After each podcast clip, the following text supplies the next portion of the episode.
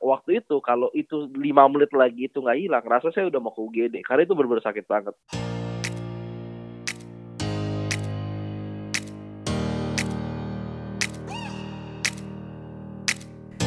Hey halo pendengar, selamat datang di podcast Opnama, obrolan awam seputar medis. Bersama saya Dr. Marco Vidor yang akan menjawab pertanyaan Anda seputar kesehatan dan mengajak Anda untuk melihat lebih dekat mana mitos dan mana fakta di dunia kedokteran.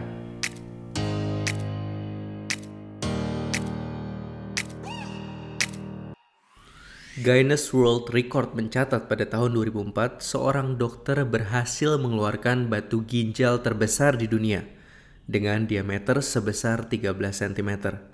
Dan di waktu yang berbeda, sempat juga ada rekor yang dipecahkan tapi bukan besarnya, melainkan jumlah batu.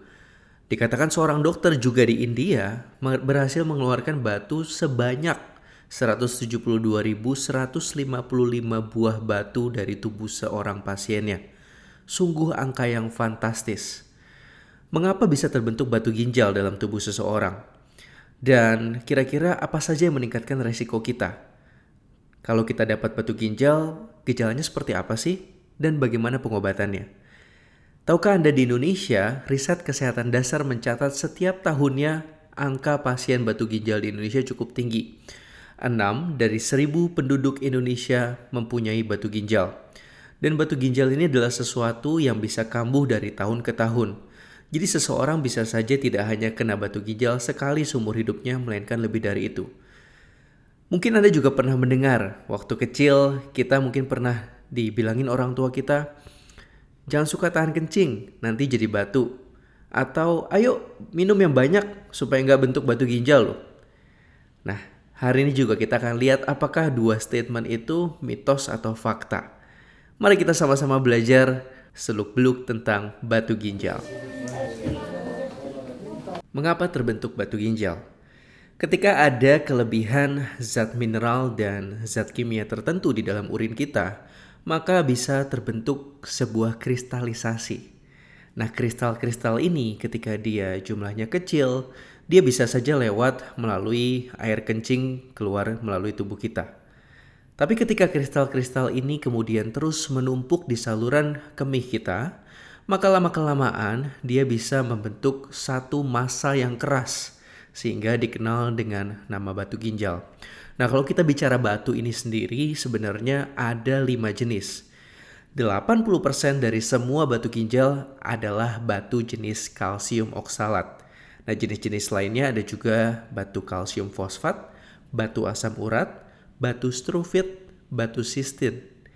Hari ini kita akan lihat masing-masing dari batu-batu ini sebabnya apa saja.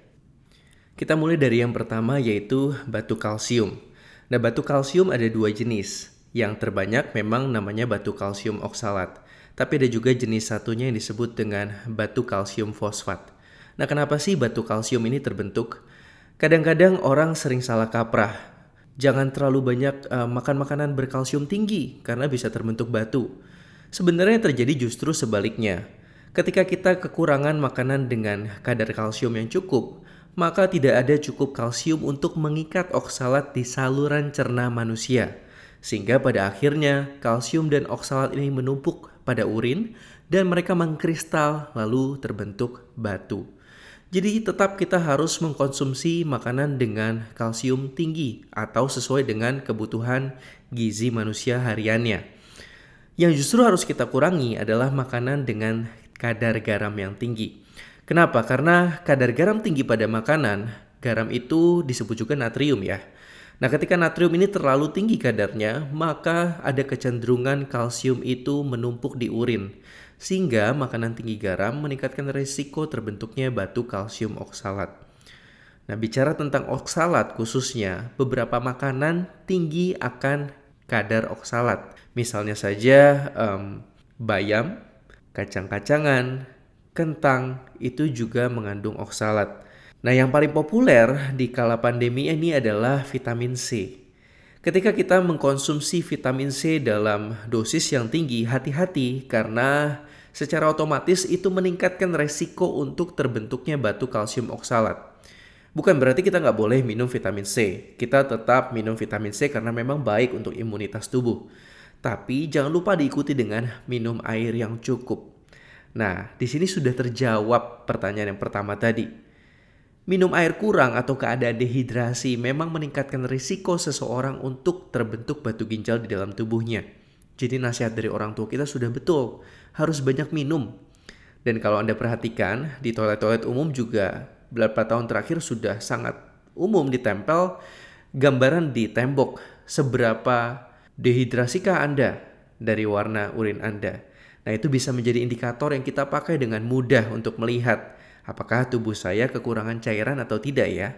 Yuk kita minum air putih yang banyak, 8 gelas sehari atau 2 liter setiap harinya. Nah, kita masuk ke batu yang berikutnya, yaitu batu asam urat. Nah, sesuai dengan namanya, Anda mungkin sering dengar penyakit asam urat.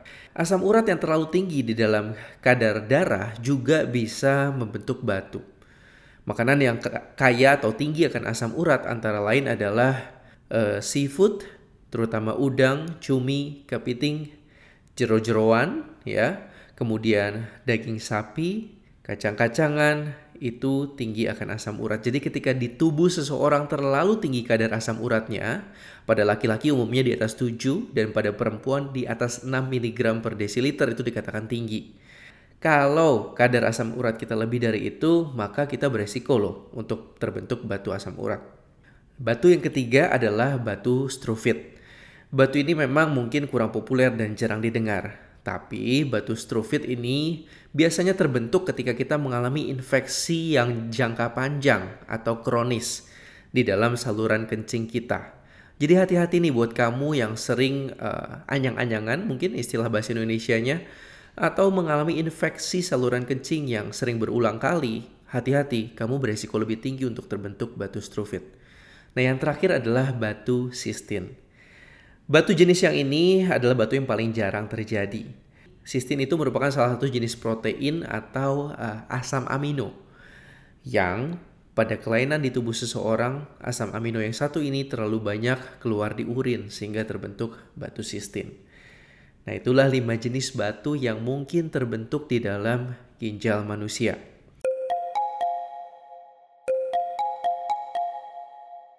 Nah, pada awalnya ketika batu-batu ini terbentuk, seorang pasien itu mungkin tidak merasakan apa pun. Dia masih bisa beraktivitas seperti biasa. Kenapa? Karena batu itu tidak besar dalam satu malam, melainkan dibutuhkan waktu berhari-hari, berminggu, bahkan bulan sampai tahun sampai batu itu cukup besar.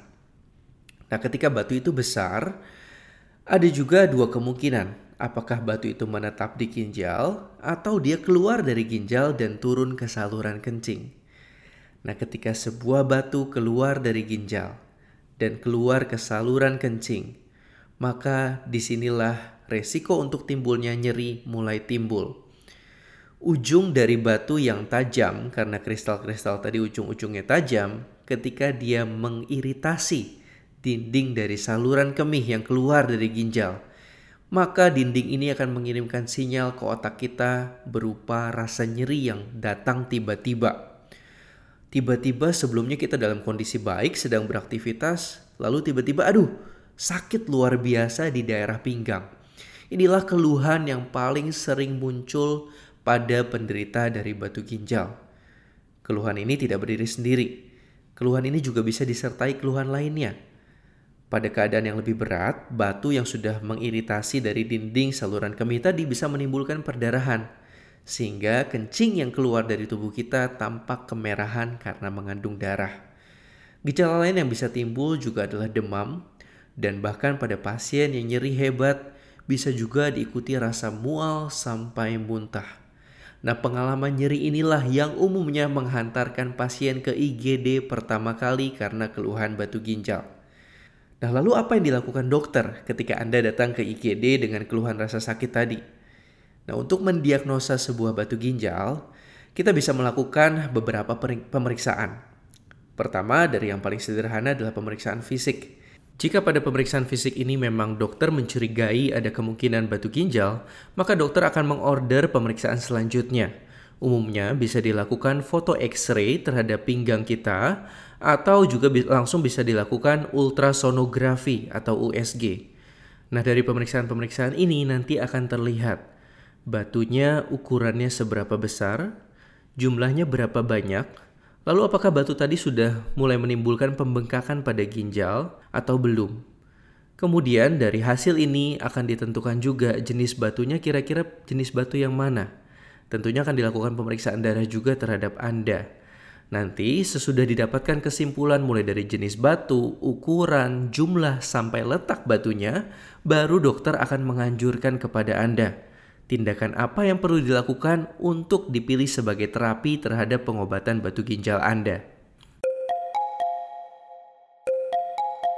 Oke, kalau dari tadi kita sudah panjang lebar membahas tentang batu ginjal, supaya Anda mendapatkan gambaran yang lebih jelas dan komprehensif, saya telah melakukan wawancara dengan salah satu pasien yang pernah mengidap batu ginjal. Dengan mendengarkan wawancara ini, saya harap Anda bisa mempunyai gambaran yang lebih jelas tentang terutama seperti apa sih sakitnya batu ginjal itu.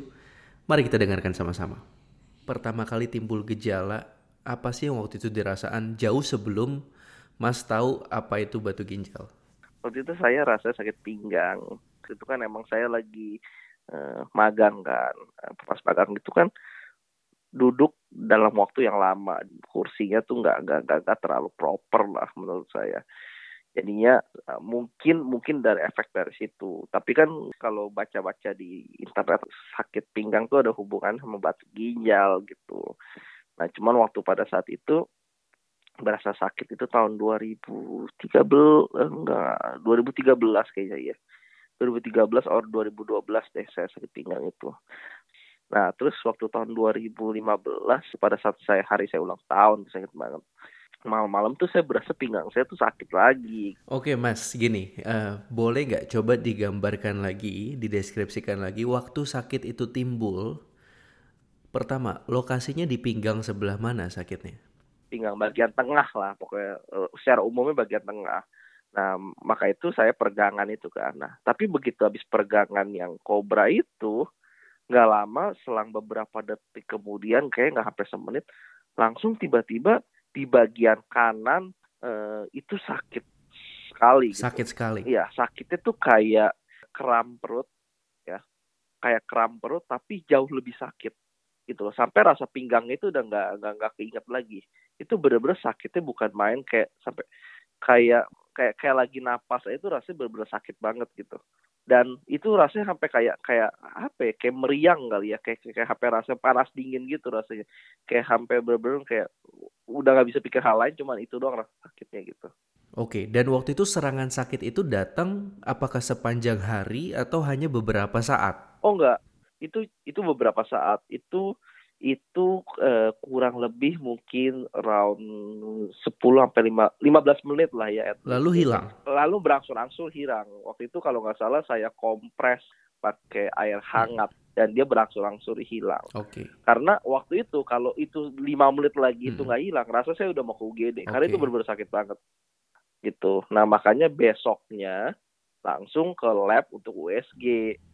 Oke. Okay. Dan di USG itu pertama kali langsung ketahuan apakah dokter langsung bilang ini ada batu nih atau gimana? Iya, iya dokter yang USG itu menurut dia kayaknya pertama dia cek dulu nih. Wah kelihatannya ini kayaknya ada batu dari beberapa. Coba nanti dipastiin gitu. Waktu itu waktu di USG dan dibilang ada batu, sempat dibilang nggak? Mungkin jumlahnya persisnya berapa, ukurannya sebesar apa? Kalau nggak salah e, tiga ya. Ada satu yang agak agak besar, satu, e, duanya lagi sisa kecil. Nah, waktu itu saran dokter apa untuk pengobatannya? Dokter pertama kali itu dia kasih obat kalau nggak salah.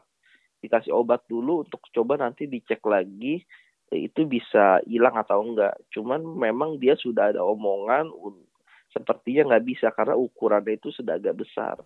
Mas uh, menjalani tindakan yang namanya ESWL, betul? Betul, ESWL untuk dipastikan sekali lagi di BNO IVP itu dimasukin kayak cairan kontras gitu.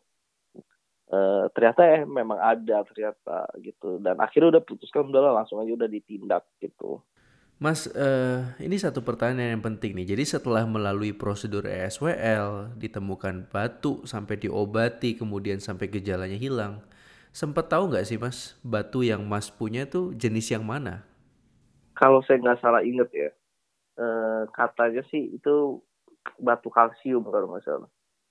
Oke, sekarang berarti kurang lebih sudah lima tahun berlalu dari kejadian pertama kali ditemukan batu sampai diobati dan sembuh gitu ya mas ya? Iya. Hari ini kira-kira apakah masih sering kontrol? Ada gejala tertentu kah? Kontrol, kontrol. Saya waktu itu sempat agak lama nggak kontrol, cuma bisa saya rutinin lagi setiap enam bulan sekali lah saya kontrol. Eh, karena saya menurut saya merasa saya bahwa satu pinggang masih suka pegel. Jadi mungkin ada hubungannya, mungkin enggak. Uh, karena ada beberapa kali tuh gitu. Cuman kalau sekarang kalau ditanya rasanya masih ada rasa kayak sedikit nggak nyaman kalau menurut saya ya sama yang pinggang sakit pinggang itu masih suka ada gitu.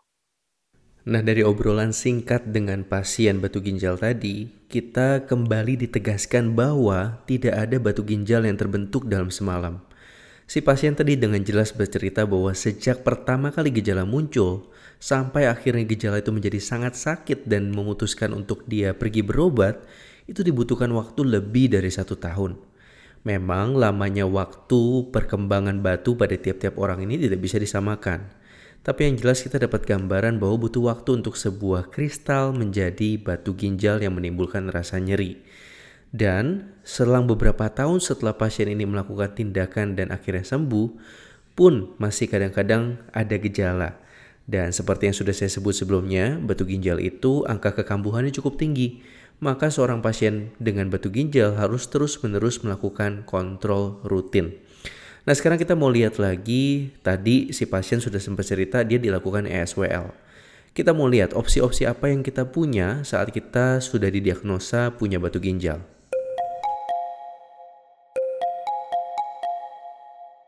Pada batu yang berukuran kecil, di bawah 4 mm, umumnya batu tersebut akan keluar sendiri melalui air kencing kita.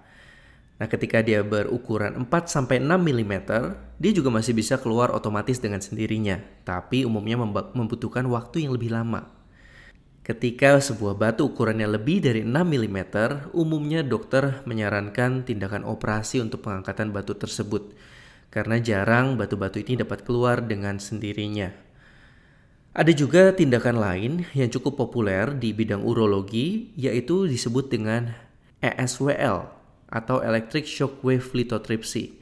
Nah, di dalam prosedur yang satu ini, seorang pasien akan dibaringkan dan nantinya akan semacam dalam tanda kutip ditembakkan sinar ke arah pinggang sehingga batu-batu yang ada di saluran kencing kita diharapkan bisa pecah menjadi keukuran yang lebih kecil dan kemudian keluar melalui urin.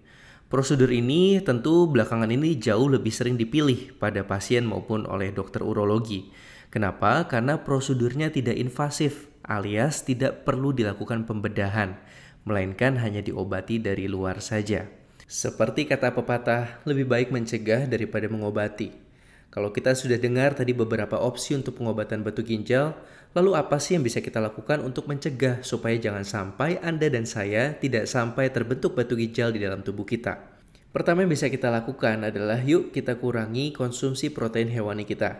Karena terlalu banyak konsumsi protein jenis ini bisa beresiko meningkatkan kadar asam urat kita, yang mana pembentukan batu asam urat jadi jauh lebih mudah. Melainkan yang harus kita lakukan adalah kita kejar diet yang lebih seimbang antara buah yang cukup, sayur yang cukup, protein pun tetap baik tetapi tidak berlebihan. Yang kedua, juga kurangi makanan yang tinggi akan oksalat, antara lain bayam yang terlalu banyak, kacang-kacangan, dan juga ubi-ubian. Minum air yang cukup, 2 liter satu harinya atau 8 gelas. Kemudian, jangan juga terlalu banyak makan makanan tinggi garam, karena makanan ini cenderung menyebabkan kalsium sulit dibersihkan dari urin kita. Termasuk juga makanan-makanan lain seperti makanan kaleng yang diproses atau makanan yang mengandung MSG terlalu tinggi atau micin, dan semua makanan lainnya yang diproses. Dan pastikan juga berat badan Anda tetap dalam keadaan yang baik anda tidak obesitas, karena ketika kita obesitas atau kegemukan, maka kita cenderung lebih beresiko untuk terbentuk batu ginjal dibanding mereka yang memiliki tubuh dengan berat ideal. Terakhir, yang tidak kalah pentingnya, bagi Anda yang punya kebiasaan untuk minum soda, minum minuman kaleng bersoda dan Anda punya kebiasaan itu untuk minum setiap hari rasanya ada yang kurang kalau nggak minum, hati-hati karena Anda beresiko lebih tinggi untuk terbentuk batu ginjal, terutama soda-soda yang berjenis cola. Sebuah studi pada tahun 2013 menemukan bahwa soda-soda jenis cola cenderung meningkatkan kadar oksalat, sehingga pembentukan batu kalsium oksalat jadi lebih mudah di dalam tubuh kita. Tapi ada yang menarik dari studi ini. Tadi secara spesifik saya juga menyebutkan bahwa hanya soda cola saja yang meningkatkan resiko terbentuknya batu ginjal. Studi yang sama juga menemukan bahwa soda-soda yang mengandung asam sitrat seperti 7 Up, Sprite, itu justru tidak menyebabkan resiko batu ginjal terbentuk lebih tinggi. Kenapa? Karena asam sitrat yang terkandung di dalamnya cenderung merendahkan atau mengurangi resiko terbentuknya batu ginjal. Menarik bukan? Nah kita kembali lagi ke pembahasan dari statement kita di awal tadi. Jadi apakah benar kalau kita punya kebiasaan untuk menahan kencing mengakibatkan kita lebih beresiko untuk membentuk batu ginjal? Jawabannya adalah ya dan tidak. Pada pasien-pasien yang memang sudah pernah mengalami batu ginjal sebelumnya, kebiasaan menahan kencing meningkatkan resiko mereka untuk mengalami kekambuhan atau terbentuknya batu ginjal sama sekali. Hal ini tidak terjadi pada mereka yang sehat dan memang tidak memiliki faktor risiko lain. Jadi secara umum sebenarnya menahan kencing tidak terlalu berkaitan dengan pembentukan batu ginjal. Tapi ada tapinya nih. Menahan kencing itu meningkatkan risiko Anda untuk terbentuknya infeksi saluran kemih. Karena ketika kita menahan kencing kita, terjadi akumulasi dari jumlah bakteri yang ada di urin, sehingga kita lebih beresiko terkena infeksi. Jadi tetap sebaiknya tidak usah ditahan-tahan ya kencingnya.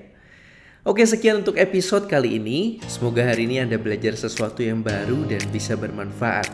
Saya Dr. Marco Vidor dan sampai jumpa di episode Opname selanjutnya.